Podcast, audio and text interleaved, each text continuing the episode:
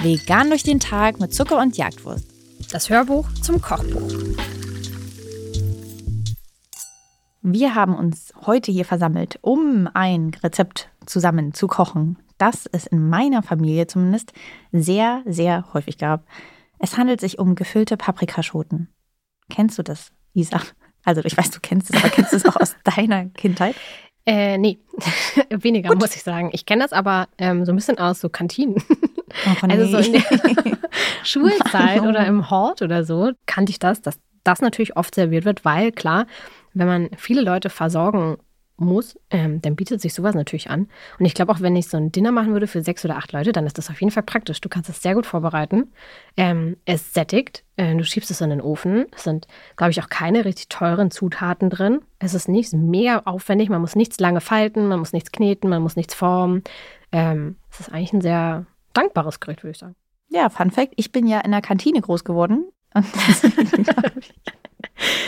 Späßle. Ähm, diese Paprikaschoten liebe ich wirklich. Und ich fand es natürlich besonders toll, als ich die damals noch nicht selbst gekocht habe, sondern einfach dann bekommen habe, als sie fertig waren. Ich erinnere mich aber daran, dass ich schon damals ungeduldig wurde, als die im Ofen waren, weil die eigentlich schon wirklich ziemlich lang nochmal in den Ofen müssen. Also man denkt ja eigentlich, das sind doch nur Paprika, die sind doch ziemlich schnell durch, weil man gibt ja auch in unserem Fall den Reis nicht ungekocht rein. Eigentlich ist doch alles schon fast fertig. Aber ich finde wirklich, die 30 Minuten sind für mich ein Minimum, was ich diese gefüllte Paprikaschoten reinpacken würde. Weil ich meiner Meinung nach müssen die wirklich super, super weich sein, weil die dann auch so eine leicht süßliche Note bekommen. Und das, finde ich, macht den Unterschied aus. Ich möchte keine Paprikaschote eigentlich essen, bei der ich, bei der die Paprika noch irgendeine Art von Biss und Knack oder sowas hat. Das ist ähm, nicht in meinem Kopf die gefüllte Paprikaschote auf jeden Fall. Deswegen, ja, ich finde immer, wenn man das macht, es ist so eine kleine Herausforderung. Man muss sich wirklich immer vorstellen, wo das Ziel ist. Und dann hält man das durch. Ansonsten ist es wirklich ein bisschen anstrengend. Bei der Füllung.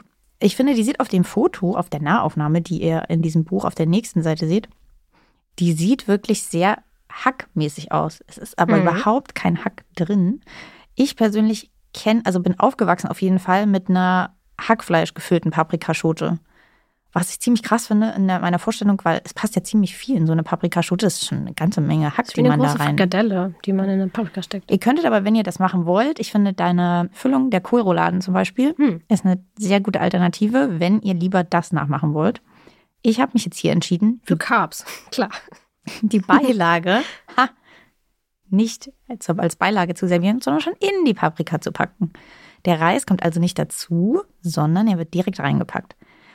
Wieso ich roten Reis genommen habe, liegt eigentlich nur daran, dass ich den einfach beim Testen in der Küche hatte.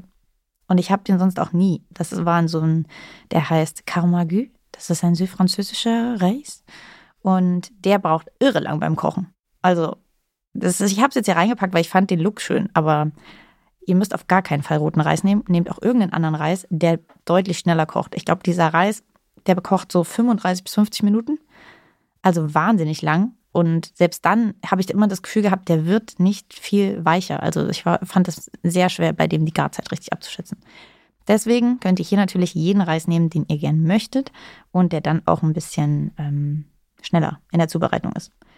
Ansonsten, ähm, wie gesagt, ich habe da einfach ein bisschen Gemüse, ein bisschen äh, Gewürze reingemacht. Ich finde aber in der Füllung könnt ihr euch austoben mit allem, was ihr habt, mit allem, was ihr mögt. Wie gesagt, ihr könnt auch so eine Art veganes Hackfleisch reinpacken, wenn euch das besser gefällt.